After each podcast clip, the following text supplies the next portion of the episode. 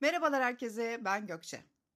Hayatımıza Nil Kara İbrahimgil şarkısı ve bir markanın reklam müziği olarak giren Çocuk da yaparım, kariyer de diye dillere pelesenk olan bu söz gerçek hayatta uygulanabilir mi yoksa efsane olarak mı kaldı? Veriler, uzman görüşleri ve gerçek kişilerin yorumlarıyla anlatıyorum. Hadi başlayalım. Öncelikle aslında şunu belirlemek istiyorum. Çocuk da yaparım, kariyer de derken yani kariyeri belirtirken çalışma hayatına devam etmekten mi yoksa daha üst pozisyonlara geçtiğimiz sadece elde ettiğimiz paketlerin değiştiği değil de sorumluluklarımızın ve iş yükümüzün de arttığı bir durumdan mı söz ediyoruz? Aslında benim burada kariyer de yaparım derken vurgulamak istediğim gerçek bir orta veya üst düzey pozisyon değişikliği aslında. Yani aslında hem çocuk büyütüp hem de belirli bir standardı yakaladığımız, güvenli alanımızda olduğumuz, risk almadığımız, sorumluluklarımızın artmadığı işlerimize devam edebiliriz diye düşünüyorum aslında. ama bu cümleyi kurarken bile tekrar düşünüyorum. bu durum bile yaşadığımız coğrafyada ve ülkemizdeki çoğu kurumun kültüründe bile olmayabiliyor. Yani eğer bir doğum iznine çıktıysanız döndüğünüzde işinizle ilgili bıraktığınız her şey eskisi gibi olmayabiliyor. E, terfiler yapılmış oluyor. Sizin hak ettiğiniz terfileri başkaları almış oluyor. Yaptığınız işi başka birine geçici olarak veriyorlar ve o çalışma modeli değişiyor. Sizin ona uyum sağlamanız isteniyor. Halbuki o işi yıllarca siz yapmışsınız falan. Ee, yani gerçekten çalıştığınız işi korumak bile zor olabiliyor. Kaldı ki nerede kaldı işte terfi almak, üst düzey pozisyonlara geçmek falan. Peki daha da fazlası olsa yani bir ekibiniz bile yokken artık size 100 kişilik bir ekip raporlamaya başladıysa ya da yönetim kuruluna da artık daha yakın bir pozisyonda çalışmanız gereken bir terfi aldıysanız veya şehir hatta ülke değiştirmeniz gereken bir iş teklifi aldıysanız o zaman ne olacak? Bu durumda çocuk yapmayı öteler misiniz veya çocuğunuzu tırnak içinde söylüyorum ikinci plana atmanızın gerektiği bir yaşam şekline geçmeyi göze alabilir misiniz? Bu ikilemde kalıp bir karar vermek durumunda kalındığında kariyer hep kayıp mı ediyor? Kadınlara, özellikle de evli kadınlara iş görüşmelerinde bile soru işaretiyle yaklaşıldığını biliyorsunuz. Sadece kadınların maruz kaldığı mülakat soruları podcast'imde de anlatmıştım. Şöyle ki, Şimdi bu kadın çocuk sahibi olursa işten uzaklaşacak, dikkati dağılacak. Bizim istediğimiz çalışan profili olan 7-24 işi düşünsün personeli olmayacak gibi soru işaretleri yüzünden kadınlar yetkinlikleri ve özgeçmişleri her ne kadar başvurdukları işe uygun olursa olsun mülakatları geçemeyebiliyorlar. Bu süreçleri bir şekilde geçmiş ve çocuk sahibi olarak çalışmaya devam ediyorsa da iş terfi sürecine gelince sadece anne olduğu için de alması muhtemel terfi için geçtiği mülakatlarda son ikiye bir erkek ile kaldıysa terfiyi o erkeğin kapması çok daha yüksek bir ihtimal olabiliyor. Bunu ben değil, çalışmalar ve araştırmalar söylüyor. Ha bir de gerçek yaşam deneyimleri. Ee, ön yargılar, cam tavanlar derken bir kadın için terfi almak veya kariyerini bir adım öteye taşımak zaten atomu parçalamak kadar zor olabilirken bir de bir aile kurduğu ve çocuğu olduğu için de ikilemde kalabiliyor. Bu ikilemde kalan kadın eğer kariyerini seçiyorsa iyi bir anne değilim baskısını hem kendi kendine hem de toplumsal ön yargı olarak yaşayabiliyor. Kariyerini seçmezse de sanki tüm hayatı boyunca uğraştığı ve kendini iş hayatında belirli bir noktaya getirdikten sonra vazgeçtikleri için yine kendine bir baskı uyguluyor ve yine toplum, ailesi ve sosyal çevresi tarafından işte efendim bunca yıl okudu, didindi, uğraştı, şimdi evde çocuk büyütüyor. Ya da İşinde nerelere gelebilecekken uğraşmadı, çocuğunu seçti. Şimdi kendi akranları ne pozisyonlarda bu yaşında hala aynı işi yapıyor gibi e, mücadele edebilirdi gibi bir baskıya maruz kalabiliyorlar. Şimdi size yine e, yapılan bir araştırmadan söz etmek istiyorum. Bu araştırmada üç tane konuya bakılıyor. Bir tanesi çocuk da yaparım, kariyer de sözü günümüzde ne kadar geçerli? E, diğeri kadın çalışanların çalıştığı şirketlerden beklenti ve öncelikleri neler?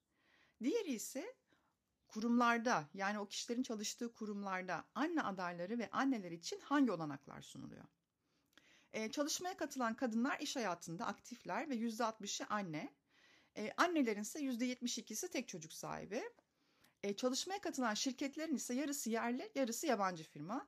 Yerli firmalarda tabii ki tahmin edeceğiniz gibi genellikle işte aile şirketi ya da, şirketi ya da böyle patron kavramıyla yönetiliyor.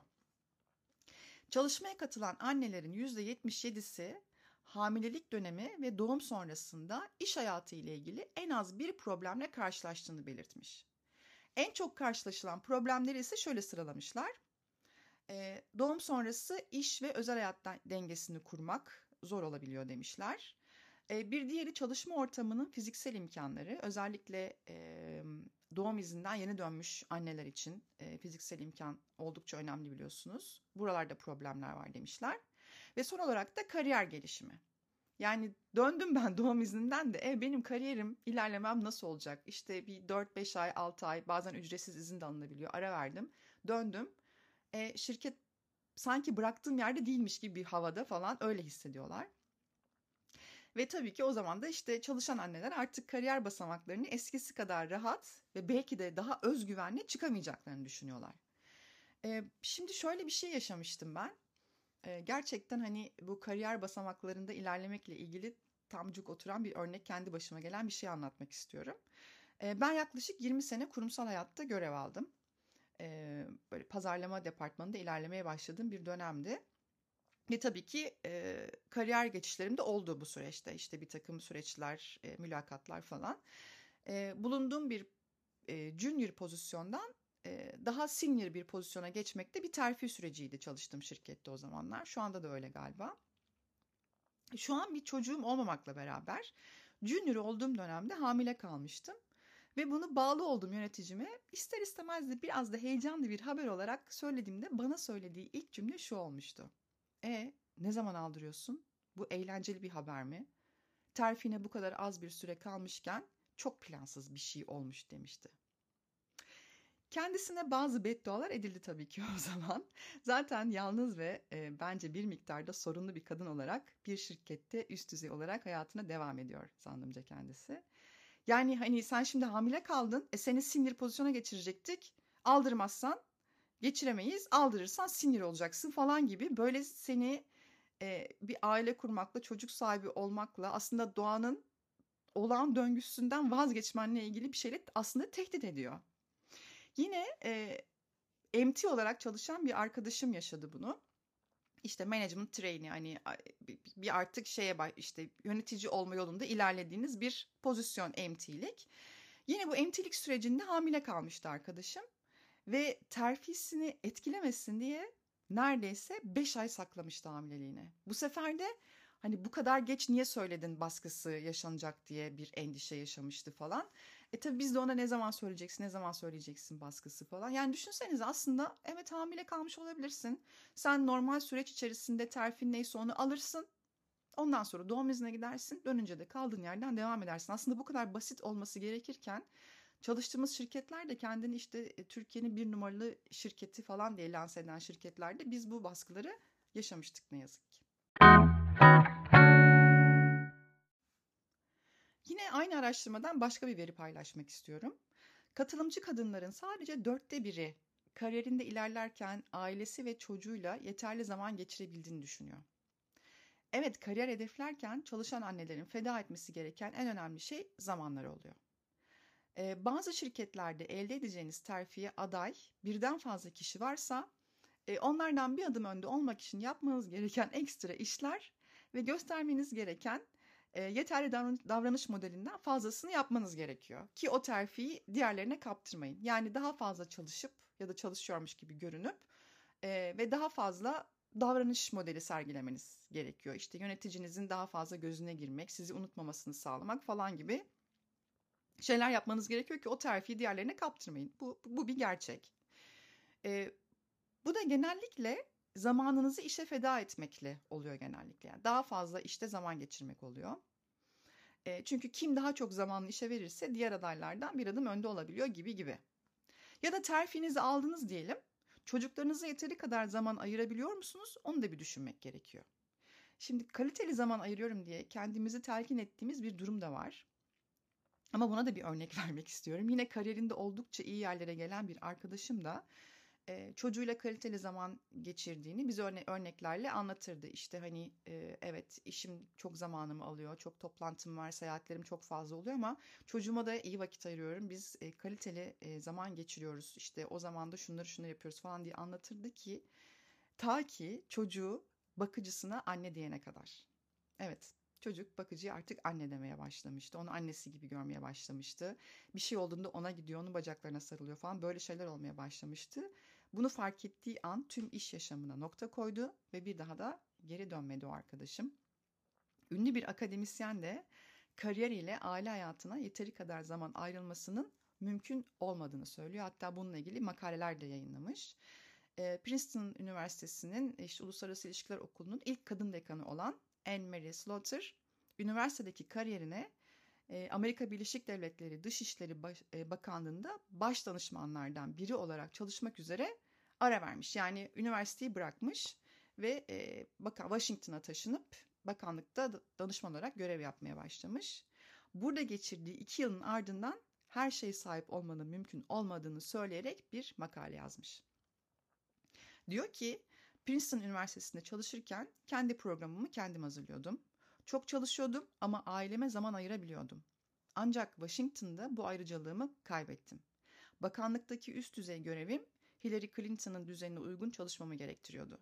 Ve onun tüm anlayışına rağmen saat sabah 4.20'de başlayan günüm gecenin ilerleyen saatlerinde bitiyordu diye açıklama yapmış.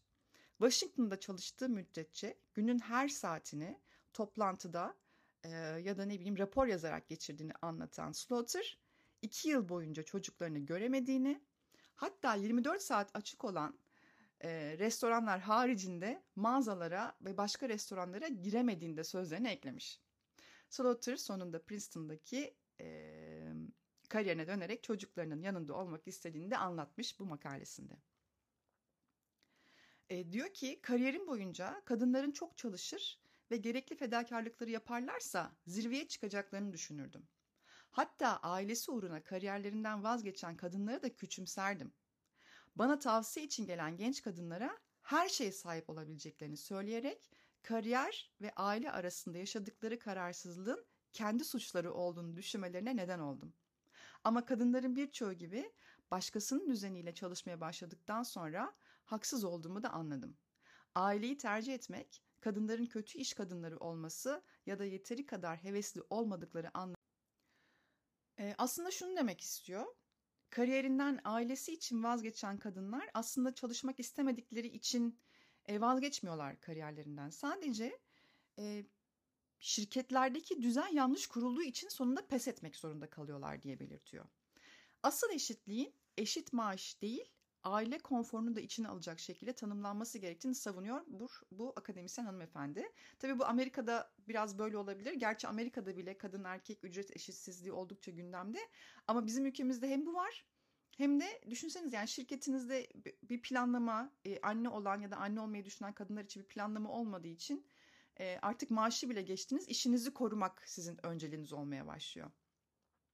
Yani kadınlardan çocuklarından ya da işte içgüdülerinden, isteklerinden vazgeçmelerinin beklenmesini de oldukça eleştiren bir makale yazmış kendisi ve eklemiş. Erkeklerin çocuklarını daha az sevdiğini düşünmüyorum. Ama erkekler kariyer söz konusu olduğunda ailelerinden daha kolay vazgeçebiliyor. Çünkü neden? Eşine güveniyor. Belki de hala ana görevlerinin aileyi geçindirmek olduğunu düşündükleri için. Yani evet ben bu kariyeri seçeceğim, bu terfiyi alacağım. Sen çocuklarla ilgilenmeye devam edeceksin. Ben de onların işte geleceği için, daha iyi okullarda okuması için, işte bla bla için e, elimden gelen fedakarlığı gösterip bu işi kabul edeceğim. Sanki ben istiyor muyum zannediyorsun bu işi almayı, işte belki başka bir şehre gitmeyi falan diye de üste çıkarlar hatta ve sizi bir şekilde ikna ederler. Kadınların ailelerini ve çocuklarını tercih etmesinin ise zayıflık değil, normal bir durum olduğunu altını çiziyor her e, defasında akademisyen hanımefendi.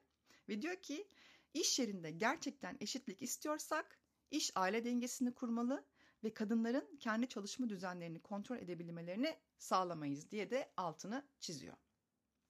Dönelim araştırmanın detaylarına. Katılımcı kadınlara şu soru sorulmuş. Anne olduktan sonra iş hayatından uzun süreli yani işte doğum izninize belki de ek olarak bir izin de aldınız, ayrı kaldığınız, kariyer molası verdiğiniz bir dönemin sonrasında yeni bir iş bulma sürecinde sıkıntı yaşadınız mı? Anne olduktan sonra uzun süreli kariyer molası veren kadınların %62'si yani yarısından fazlası iş bulmakta zorlandıklarını belirtiyor. Ülkemizde ne yazık ki bu durum var işte. Bu da bir ön yargı aslında.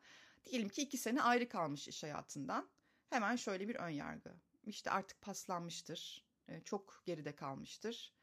E, yetişemez. O iki yılda neler değişti falan gibi bir ön yargıyla iş görüşmelerine bile çağrılmıyor ne yazık ki anne olmuş e, kadın çalışanlar. Halbuki yani işte belli okulları bitirmiş, belli yetkinlikleri var, belli deneyimleri var. Yani Velev ki acayip bir teknoloji geldi ve sizin şirketiniz iki yılda buna adapte oldu. E ben de olurum. Yani benim iki yıl ara vermiş olmam döndükten sonra iyi bir kurumsal eğitimle o, o yeniliğe adapte olamayacağım anlamına gelmiyor. Ama genelde işte daha genç, işte belki bekar ya da işte böyle ara vermemiş kadınları e, işe almayı tercih ediyor kurumlar ne yazık ki. Araştırmaya katılan annelerin %44'ü çocuk sahibi olmanın kariyerlerine olumsuz etkisi olduğunu belirtirken anne olmayan kadın çalışanlarda bile bu oran yüzde 35. Yani böyle belki daha detaylı bir sosyolojik araştırma ile daha net verilere ulaşılabilir ama şu da bir gerçek ki çocuk sahibi olma yaşı şehirli ve çalışan kadınlarda neredeyse 40'ları bulmuşken kar kariyerde ilerleyebildiği kadar ilerlemenin çocuk sahibi olduktan sonra alamayacağı terfileri bu, bu yaşa kadar halletme düşüncesinin etkisi olduğunu düşünüyorum ben. Evet işte hep bir bahanemiz oluyor. İşte şu pozisyona geçeyim, işte şu projemi tamamlayayım falan. İşte çocuk sahibi olduktan sonra o terfiyi alamayacağınız için en azından belli bir noktaya kadar gelmeyi planlıyoruz. Ne yazık ki bu böyle. Halbuki işte ne zaman anne olmak istiyorsan, ne zaman aileni büyütmek istiyorsan o zaman yapmalısın. Ve iş hayatına döndükten sonra da kaldığın yerden devam etmelisin. Ama maalesef böyle olmuyor. Peki gelelim madalyonun öteki yüzüne yani kurumlara kurumların gözünden kadınların çalışma hayatındaki yerini artırmanın önündeki en büyük iki engel şöyle.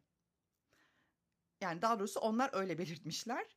Annelik iznine çıkılması durumunda iş gücü kaybının oluşacağı düşüncesi. Ya bunu bir türlü anlamıyorum ben gerçekten.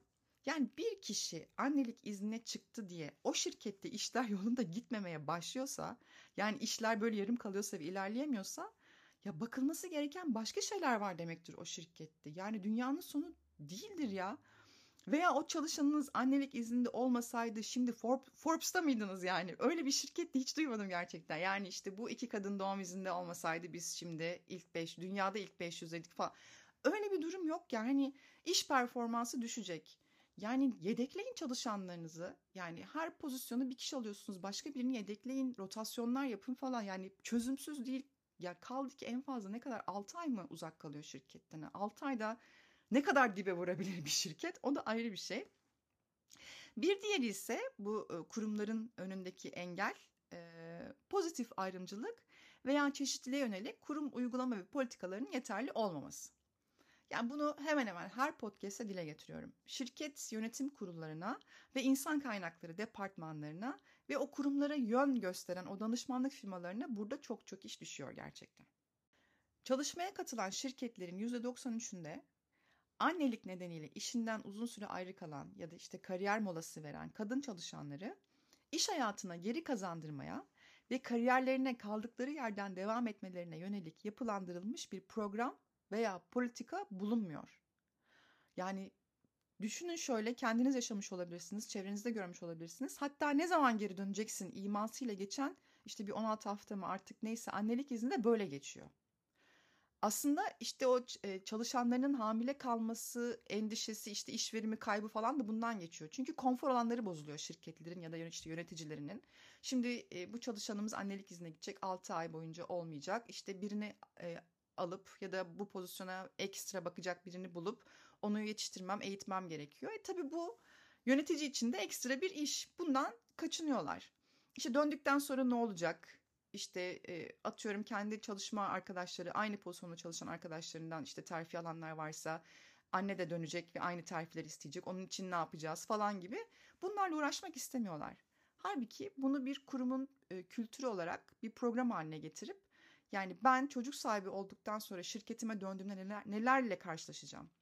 İşte bir takım ekstra eğitimlere mi katılacağım, kariyerime devam etmem için şirket benim için neler yapacak bunları bir kitapçık halinde elime verseler hem şirket yönetimi hem de e, anne olmuş personelleri oldukça rahatlayacaklardır ama maalesef çalışmaya katılan hadi yerli şirketleri geçtim de yabancı şirketlerde bile böyle şeyler olmaması gerçekten üzücü. Ee, bir de şu var hani ne zaman döneceksin baskısı da yapılıyor ya aklıma gelmiş onu da söyleyeyim. Bu sadece annelik izninde olan kişinin yöneticisinin baskısı da olmuyor. Yani siz izne çıktınız yöneticiniz işte ya bir mail attım onu bir, bir ara mutlaka bakman lazım. Bunu bir tek sen biliyordun. İşte az kaldı ne zaman döneceksin süt iznini haftada bir mi bence toplu al falan gibi yönetici baskısı değil. Yani o bile olsa kurumun kültürü bu konuda çok güçlü bir duruş sergilerse o yönetici de geri dön baskısı yapamaz annelik izinde olan kişiye. Çünkü yani dönüp diyebileceğiniz bakın bizim kurumsal kitapçığımızda, kurum kültür kitapçığımızda bu net bir şekilde belirtilmiş. Bana yöneticim bu baskıyı yapmamalı diye durumu anlatabileceğiniz bir birim olur. Ama e, o da maalesef şirketlerde yok. Peki anne olmuş çalışan kadınların çalıştıkları şirketlerden beklentileri nedir diye bakacak olursak o da şöyle çıkmış araştırmada. Bir defa esnek çalışma imkanı. Doğum sonrası yarı zamanlı çalışma ve kurum bünyesinde kreş hizmeti verilmesini istiyorlar. Yani bence bir ütopya bekliyorlar. Şu an için öyle. E, bu beklentileri karşılayan firma sayısı herhalde bir elin parmaklarını geçmez ama yapılmaması için de hiçbir neden yok. Çok basit ve kolay beklentiler bunlar aslında. E, kurumlar böyle sadece bir süt odası veriyorlar ki benim mesela son çalıştığım şirkette bu fotokopi odasından hallice bir yerdi gerçekten. E, bir de yöneticilerin inisiyatifinde şey güya esnek çalışma. E hadi tamam sen şimdi bir saat erken çık eve git. Tamam yarın öğlen gel gibi esnek çalışma modeli var o kadar. Yani buna esnek çalışma modeli derseniz tabii ki. Ama zaten daha şirketlerinde çalışan kadın ve erkek personeller arasında bir ücret eşitsizliği olduğunu, bile düşünmezlerken e, yine bu araştırmaya katılan şirketler de buna da bakılmış ve şirketler bunu düşünmüyorlar yani öyle bir ücret eşitsizliği bizde yok diyorlar çok yüksek bir oranda ki bunu tespit edecek bir uygulama da hayata geçirmemişler. E, yani bu ücret eşitsizliği olduğunu düşünmezlerken anne çalışanların kariyerlerinin devamı, onlara sağlayacakları kolaylıklar ve kendilerini yetersiz ve geride kalmış hissettirmeyecek uygulamaları hayata geçirmelerini beklemekte e, biraz komik duruyor gerçekten. Yani maalesef veriler de bunu gösteriyor. Kadınların ve kurumların verileri ortada. Kadınlar bu yüzyılda hem çocuk hem de kariyerlerini teknolojinin nimetlerinden yararlanarak pek rahat yapabilecek durumdalar aslında. Bunun dışında anneler kariyer yapma seçiminden dolayı kendini suçlamamalı ya da çocuğunu seçmesinden ötürü de kendini yetersiz hissetmemeli. Amerika'da yayınlanan bir makaleden yola çıkarak şu tavsiyelerde bulunmak istiyorum sizlere. Yani çocuk da yaparım, kariyer de ikileminden nasıl kurtulabiliriz? Aslında bu ikileme düşmemek ve şunları düşünmek gerekiyor. Her şeye sahip olabilirsiniz ama farklı zamanlarda. Yaşam süresinin uzaması aynı zamanda kariyer, kariyerin uzaması anlamına da geliyor. Artık ortalama kariyer neredeyse 40 yıl kadar sürüyor. Bugün 20 ile 30'lu yaşında anne olan bir kadının zirveye oynaması imkansız değil. Kariyerinizi dümdüz bir çizgi olarak tasarlamayın. Molalar ve yavaş dönemler olabileceğini lütfen kabullenin. Tatilsiz, hatta gece uyumadan çalışmak başarının şartı gibi sunuluyor. Kendinize ve çevrenize ne kadar çalışkan ve hırslı olduğunuzu kanıtlamak için ofiste uyuyacağınıza lütfen evinize gidin. Gece bazen çalışmanız gerekebilir. Bunu da lütfen evinizde yapın. Teknolojiden faydalanmayı öğrenin ve onu böyle bir e, bir şart olarak koşun. Veriminizin arttığında göreceksiniz. Aileniz yokmuş gibi yaşamayın. Toplantılarınızı eve çocuklarımın yanına gitmeliyim diyerek mesai saati sonunda bitirin. Çocuklarınız hayatınızın bir parçası, onlar yokmuş gibi davranmak anlamsız. Bir de bir örnek vermek istiyorum. Bu tabii yurt dışından bir örnek. Bugüne kadar kariyerin, kariyerinde en tepeye çıkmış kadınların ortak özelliği ailelerinden vazgeçmiş olmaları. Mesela Amerika'da ki yüksek mahkemede çalışan 9 yargıçtan 6'sı erkek ve hepsinin aileleri ve çocukları var. 3 kalan 3 kadın yargıçtan ikisi ne evli ne çocuk sahibi e, hatta e, Amerika'da gene Ulusal Güvenlik Konseyi'nin ilk ve tek kadın başkanı olan bir hanımefendi aynı zamanda bu görevde bulunmuş olan tek bekar ve çocuksuz politikacı. Yani gerçekten e, benim kendi çalıştığım sektörde ki üst düzey kadın yöneticilere baktığım zaman gerçekten çok yüksek bir oranda ya evli değillerdi ya boşanmışlardı, çocukları yurt dışında okuyordu, senede iki defa falan görüşüyorlardı. Yani hayat gerçekten bu mu? Yani o title'ları, o ünvanları almak, işte e, belki daha standart bir pozisyonda kalmayı tercih ettiğinizde kazanacağınızdan dört kat daha fazla maaş alıyorsunuz ama çocuğunuz yanınızda değil. Hani bu, bu gerçekten hayatın dengesi böyle mi olmalı? Bir düşünmek gerekiyor. Bu tavsiyeleri lütfen dikkate alınız. Dedim ya ailenizden vazgeçmeyin. Eğer yaptığınız bir toplantı mesai saati bitimine kadar sürmüşse ve hala devam etmesi gerekiyorsa toplantıyı bitirin ve yarın devam edin. Ve bitirirken de şimdi ailemin çocuklarımın yanına dönmeliyim deyin diye bir tavsiyede bulunmuştum ya. E, bu davranış modellerini uygulamak belki başta çalıştığımız şirkete tuhaf gelebilir. Ve hem siz hem de sizi gören diğer çalışan anneler bu davranışları uygulamaya başlarlarsa değişim rüzgarları estirmeye başlayabilirsiniz. Yani işte bunu kim diyebilir ya bunu ben diyemem falan dememek gerekiyor. Önce siz yaparsınız. Sonra sizi destekleyen başka bir kadın çalışan yapar. Böyle böyle Meksika dalgası gibi gerçekten bu şirket e, kültürüne yapışabilir. Yani biz mesaimizi toplantımız devam etse bile mesai saatinde bitiririz ve ailemizin yanına gideriz. Yani tam mesainin bitmesine 15 dakika kala başlayan toplantılara katılmamayı tercih edebilirsiniz. Tabii ki bunu böyle bir protesto gibi yapmamak yapmak değil de e, bir davranış olarak göstermek e, bir takım değişimleri başlatabilir. Ez cümle aslında çocukta, kariyerde aynı anda olabilir. Biri birinin üstünde değil. Ancak ülkemizde çalışma koşulları, şirketlerin kardan öte çalışan mutluluğunu sağlamayı hedeflediği bir düzende kadın sadece çocuk sahibi oldu diye bir erkekten kariyer anlamında da geride kalmamalıdır tüm şirketler Best Place to Work yarışına giriyor biliyorum. Ve biliyoruz ki hepsi kağıt üstünde ve e, parayı veren düdüğü çalıyor. O zaman hadi bakalım. Bizim şirketimizde kadınlar çocuk da yapar, kariyer de diye bağıracak şirketler var mı? Hep birlikte bekleyip görelim.